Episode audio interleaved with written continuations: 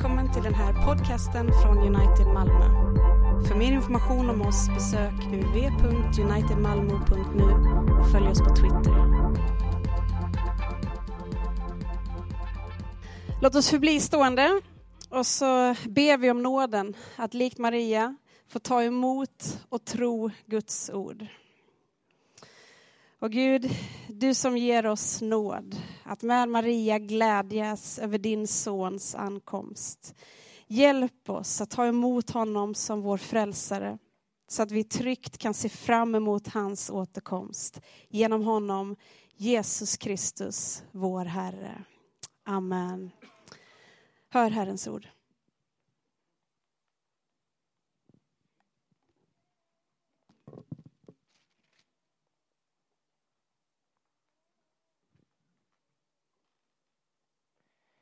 Vi lyssnar till dagens text från Sefania 3, 14-17. Jubla du dotter Sion, höj glädjerop du Israel. Var glad och fröjda dig av hela ditt hjärta, du dotter Jerusalem. Herren har tagit bort straffdomarna från dig, han har röjt din fiende ur vägen. Herren, Israels konung, bor i dig. Du ska inte längre frukta något ont. På den dagen ska det sägas till Jerusalem, frukta inte Sion, Låt inte dina händer falla. Herren din Gud bor i dig, en hjälte som frälser. frälsar. Han gläder sig över dig med lust, han tiger stilla i sin kärlek, han fröjdas över dig med jubel. Så lyder Herrens ord.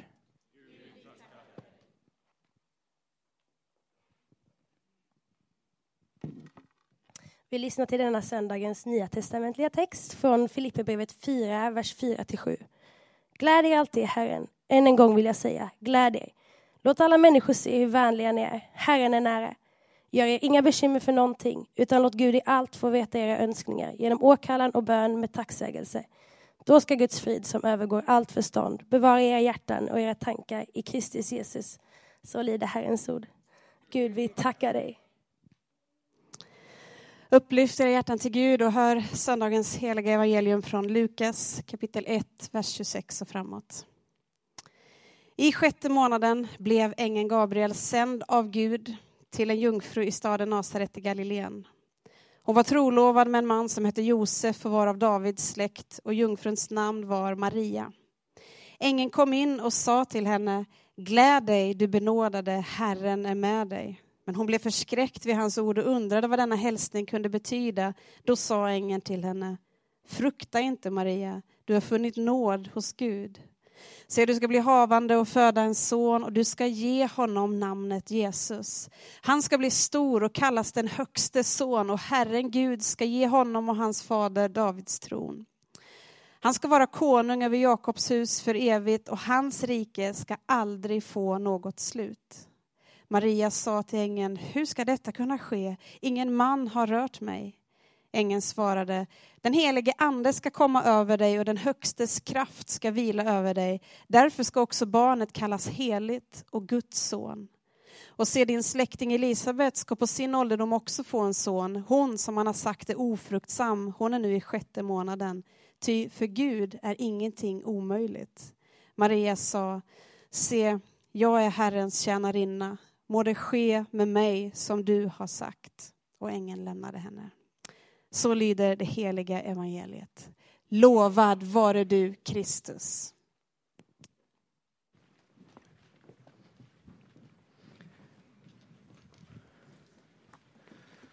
Gott, vi har kommit till den fjärde och sista söndagen eh, i advent. Och eh, eh, inte för att hylla det på något sätt, men jag kommer att harkla lite ibland. Du kan tänka att det är lugnt för dig. Tänk mer på de som lyssnar på podcasten sen som kommer få det rakt in i, i öronen. Jag är lite hes idag. Eh, men vi är fjärde och sista söndagen i advent och vi eh, har liksom varit väntans tider nu i flera veckor. Eh, och nu går vi strax in i, i julveckan när vi ska fira Jesu Kristi födelse och det är det som vi har väntat på nu här under hela adventstiden. Och mitt i alla våra förberedelser inför, inför julen med julgranar som ska kläs och paket som ska slås in och, och julbord som ska liksom tillverkas och, och ätas eh, och massa mys framför Ernst Kirchsteiger så är det lätt att vi missar vad som är själva syftet med advent. Vi tar liksom ut segern lite i förskott. Vi har firat nu i flera veckor redan. Och för traditionellt så är advent en tid av fasta. Innan kyrkans största händelser inför jul och inför påsk så, så kommer det alltid en fasta. Den ligger där varje år inför jul och inför påsk. Eh, man brukar säga att det finns ingen fest utan fasta. Vi måste förbereda oss för festen genom att fasta. Och fasta är tider då vi skärper vår uppmärksamhet och vi riktar vårt fokus speciellt för att liksom förbereda oss inför det här stora som ska komma inför festen som närmar sig. Och det är också tider när vi utvärderar och vi rannsakar oss själva för att precis som vi bad i adventsbönen tidigare göra oss redo för Jesu ankomst, att göra våra hjärtan redo för Jesu ankomst. Så advent är en tid av allvar, av eftertänksamhet och av förberedelse, men samtidigt så är det en tid av hopp. Det kan vi ju inte undkomma. Vi vet ju vad som ska hända. Vi har ju sett slutet redan. Vi vet vad som ska ske. Men i dagens text så möter vi den här dubbelheten som vi ska titta lite närmare på. Vi får del i hoppet vi ser det här hoppet i löftet om att frälsaren är på väg, frälsaren ska komma. Men samtidigt så utmanas vi av den här texten och vi får gå till oss själva i eftertanke och i förberedelse och i allvar när vi ser Marias respons på det här som hon lovas. Det utmanar oss att göra oss redo för Jesu ankomst. Och för att få lite struktur på det vi ska tala om idag så har jag delat in dagens predikan i tre stycken punkter och oerhört pedagogiskt för dig. Eh, och I de två första så är det Gud via ängeln Gabriel som talar till Maria. Och där han först säger att du ska ge honom namnet Jesus och sen så säger Gabriel, vi är självklart Guds sändebud och du har funnit nåd hos Gud. Eh, och, det här är, och sen så svarar Maria på detta då, må det ske med mig som du har sagt. Eh, och eh, det här är liksom tre avgörande uttalanden i dagens evangelietext som vi ska titta lite närmare på. Och vi börjar från början med den första då, att Gud säger du ska ge honom namnet Jesus. Så läser vi några verser som vi läste tidigare igen. Se, du ska bli havande och föda en son och du ska ge honom namnet Jesus. Han ska bli stor och kallas den högste son och Herren Gud ska ge honom hans fader Davids tron. Han ska vara konung över Jakobs hus för evigt och hans rike ska aldrig få något slut. Och Maria sa till ängeln, hur ska detta kunna ske? Ingen man har rört mig. Och ängeln svarade henne, den helige ande ska komma över dig och den högstes kraft ska vila över dig och därför ska också barnet kallas heligt och Guds son. Och I veckan som har varit så har Elin och vår snart åtta månader eh, gamla dotter eh, varit i Stockholm och träffat, hälsat på släkten lite sådär som man gör inför jul. Och, eh, enda skillnaden var att jag inte var med, men de var där. Eh, och eh, måndag till torsdag utan fru och barn innebär ju eh, självklart tre ensamma nätter i lägenheten, men också tre nätter eh, utan ett barn som vaknar varannan timme och vill ha nappen. Och utan den här obligatoriska vällingen 04.30. Eh, och man kan tycka att det är en mänsklig rättighet att man ska få liksom sova hela natten gott igenom och vakna utvilad på morgonen. Men så är det tydligen inte längre. Ehm, och att få vakna upp på morgonen och ha liksom sovit en hel natt och lite så utvilad, det är en stor förmån vill jag berätta. Ehm, och det blev nästan som en uppenbarelse för mig den här veckan att jag har alltså under 26 år i mitt liv Alltså bara inte tänkt på att det är något speciellt vad jag får uppleva varje natt. Att jag får ha det här liksom, att jag får sova till morgonen. Det är, det är helt otroligt alltså. Eh, och jag har liksom bara i mitt liv tagit det här för givet och tänkt att det är inget särskilt med det, men oj så fel jag hade. Och jag inser att jag inte har sett storheten i det här. Eh, och vi ska inte göra för stor sak av det, det var bara skönt för mig att få ut det. Eh, men lite samma sak är det med dagens text. Många av oss vi har hört den här berättelsen så många gånger så att det inte längre är något speciellt, den bara flyger förbi. Vi har suttit i söndagsskolan och vi har tittat på den här lilla krubban och vi har lekt med de här små liksom, trägubbarna och, och um, funderat lite på att eh, liksom, ja, det här var ju härligt, men det blir liksom en gammal vana bara. Det är någonting som bara sker. Vi ser inte det stora i det som hänt. För dagens text den handlar verkligen om någonting helt otroligt. Det ängeln säger till Maria det är att Jesus ska komma. Och Jesus det betyder Herrens frälsning. Och det är den här Herrens frälsning som Israels folk har väntat på ända sedan Gud i Edens lustgård sa till ormen att en frälsare ska komma och krossa ormens huvud. Och Gud har i Gamla Testamentet gett löfte till David om att han ska få en avkomling vars kungadöme ska vara för evigt. Och Gud själv ska vara hans fader och han ska vara Guds son. Och profeterna har talat om det här i århundraden innan det hände. Mika profeterade om den evige kungen som ska födas i Betlehem. Och senast var det Malaki, 400 år innan det här hände, som profeterade om Herren som plötsligt ska komma till sitt tempel. Så vad är ärendet i den här texten då? Jo, det är att Gud håller på att sjösätta sin plan. Som profeterna har talat om nu, liksom flera tusen år innan det här. Det här är glädjens dag. Frälsaren är här nu, det är det här vi har väntat på, det är det som vi har hoppats på ska hända. Och nu händer det. Det är det som händer i den här texten idag. Ehm, för det är ju så att en frälsare är vi verkligen i behov av. Man behöver inte studera de tio budorden jättelänge för att inse vår, sy vår synd och inse vårt behov av en frälsare. Bo Gertz har sagt så här att syndafördärvet är ingenting som kan opereras bort. Vi kan inte utrota det, inte ens genom den mest energiska självförbättring. Detta onda kan bara Gud bota. Det är därför han givit oss Kristus. Och det var därför Jesus kom, för att ta vår plats under lagen och för att befria oss från synden. Och det är det som skiljer kristendomen från alla andra religioner. I vilken annan religion som helst som du tittar på så kommer du se ett mönster av att du ska uppnå en viss standard. Du ska prestera enligt ett visst antal regler. Och du ska leva på ett särskilt sätt för att Gud ska kunna acceptera dig eller för att du ska kunna nå det högsta goda, vad det nu än är. Men inkarnationens budskap till oss, alltså att Jesus, att Gud själv blir människa och kommer till oss, det är att du kan aldrig ta dig själv till Gud. Därför måste Gud komma till dig. Det är inkarnationens storhet. Att Gud han, han själv han gör sig till ett litet barn. Han blir en av oss, han kliver in i vår värld. Han föds som en av oss, han lever som en av oss, han dör i vårt ställe för att uppstå och vinna seger för oss alla. Och Dorothy Sayers har sagt så här att oavsett av vilken anledning Gud valde att skapa människan så som hon är, begränsad och lidande och utsatt för bedrövelse och död, hade han i alla fall ärligheten och modet att ta sin egen medicin. Jesus har själv genomgått hela den mänskliga erfarenheten. Från familjelivets triviala irritationer och hårt arbetets krampaktiga restriktioner och brist på pengar till de värsta faser av smärta och förödmjukelse, nederlag, förtvivlan och död. Som människa levde han rollen fullt ut. Han föddes i fattigdom och dog i vanära och ansåg det hela värt besväret. I Guds nedstigande, i inkarnationen, så ser vi Guds kärlek. Han kommer för att rädda oss och för att dra oss till honom och han ansåg det hela värt besväret. Det är hans kärlek som får uttryck. Och det här går liksom inte att förstå bara med mänskligt förnuft, utan det är bara en tro som Gud har fött, som kan tro att det här har hänt och inte bara att det har hänt någonstans långt borta, utan som kan förmå oss att tro att det här gäller oss, att det gäller dig, att han gjorde det för vår skull.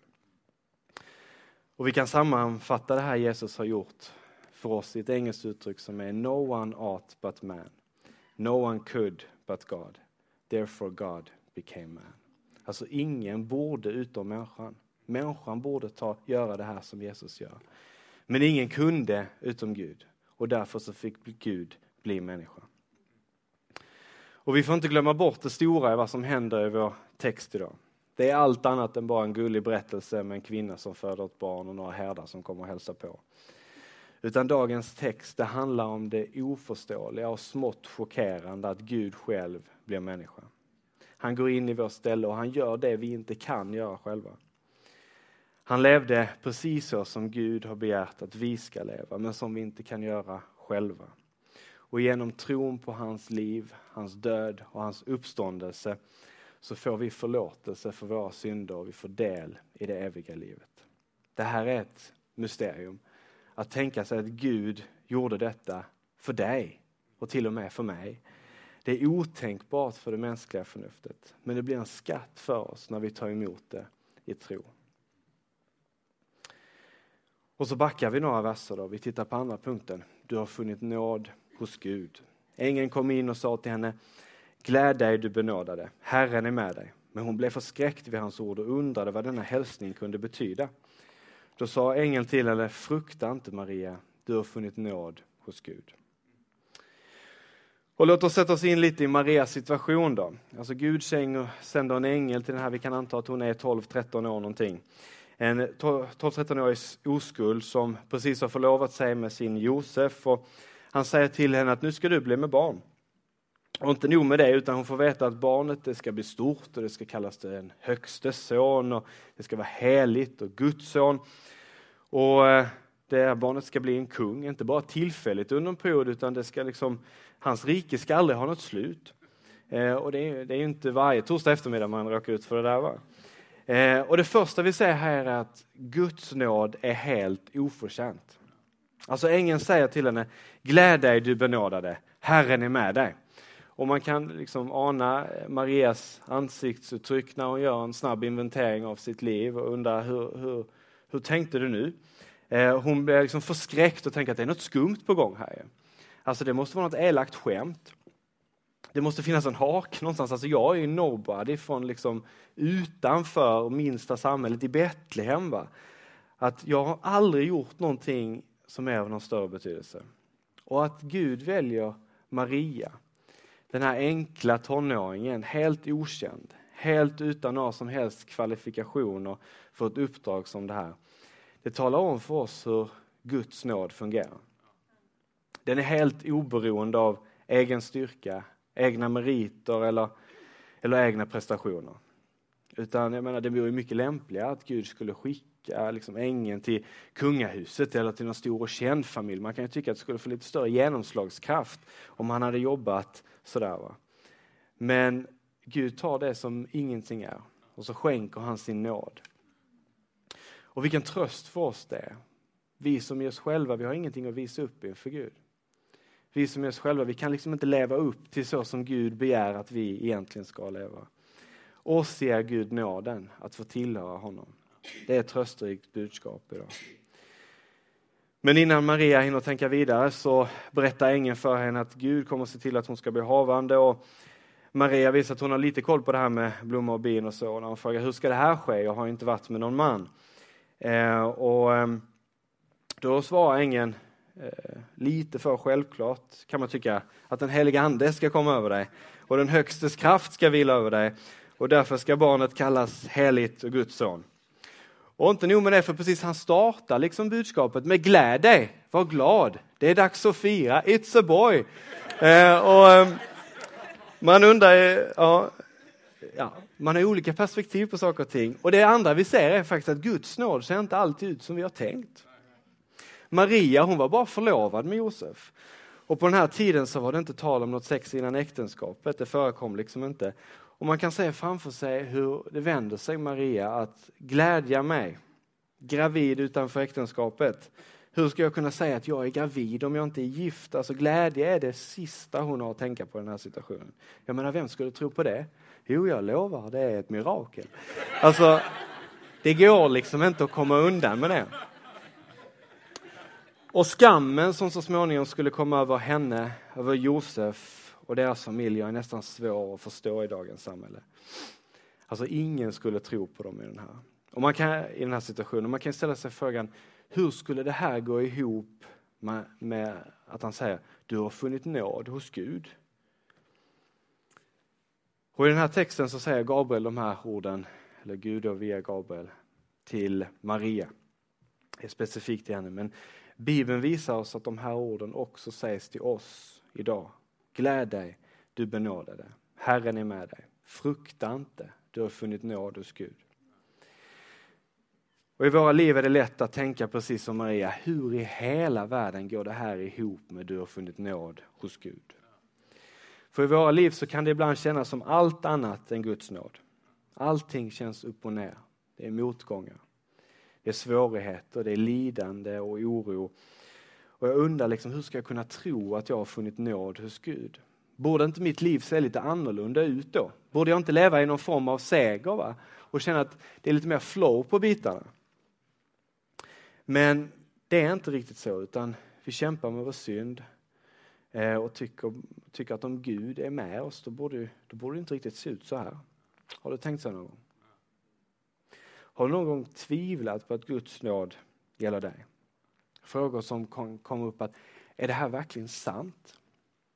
Alltså finns det någonting basic level, alltså finns det någonting utanför det jag kan se, höra och ta på? Finns det någonting efter det här livet? De här gudstjänsterna som man ska gå på varje vecka, vad spelar det för roll? Det här vattnet som jag fick över mig när jag döptes, gör det någon skillnad? Brödet och vinet som vi tar emot varje söndag, kan det verkligen ge mig del i Kristus?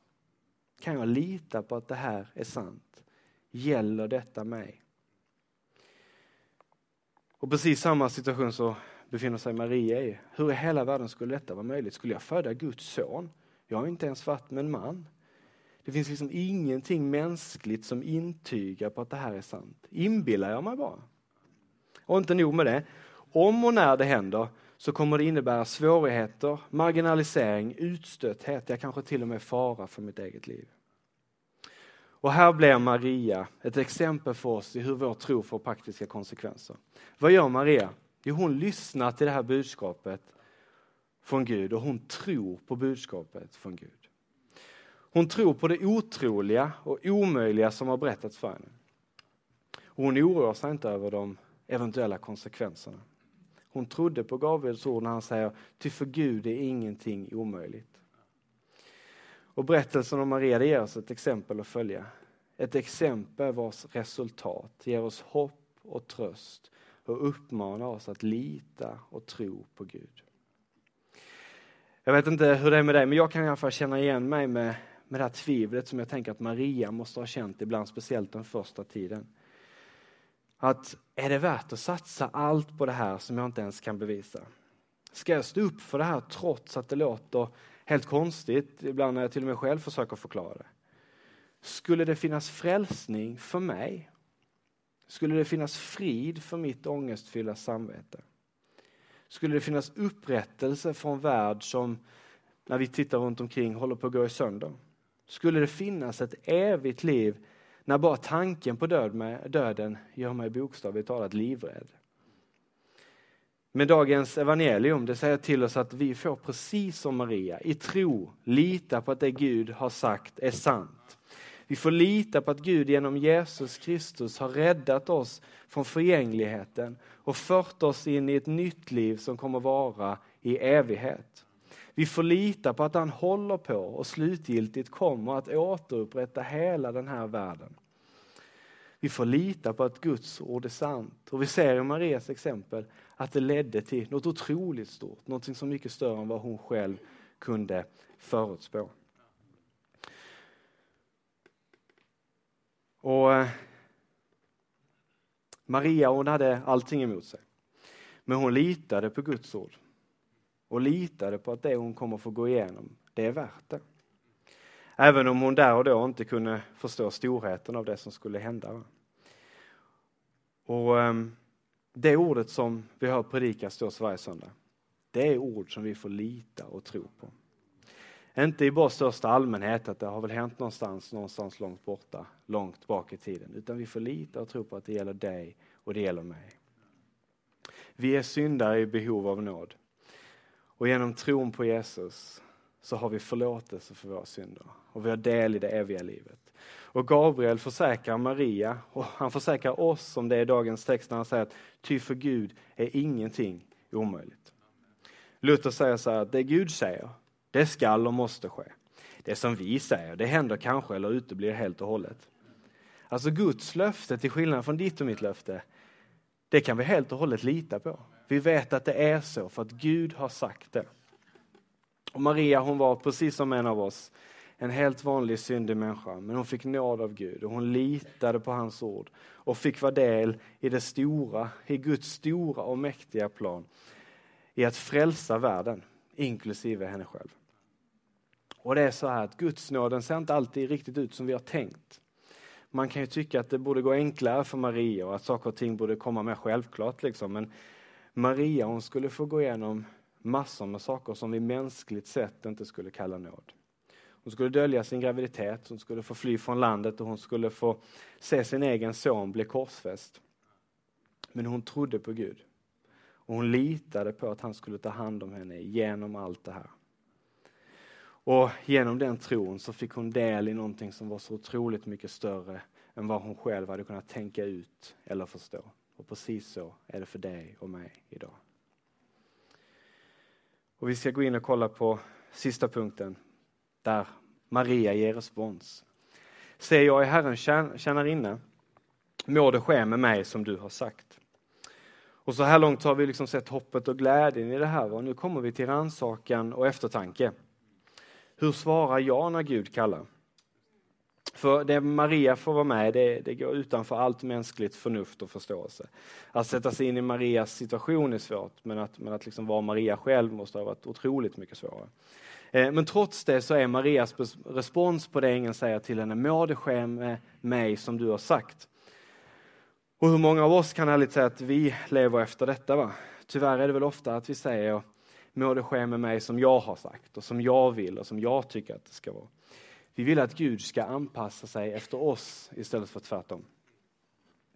Eh, men på samma sätt som Jesus själv kommer till Maria i samma sekund som hon säger de här orden, så på samma sätt kommer Jesus till oss när vi bekänner oss till det som han har sagt.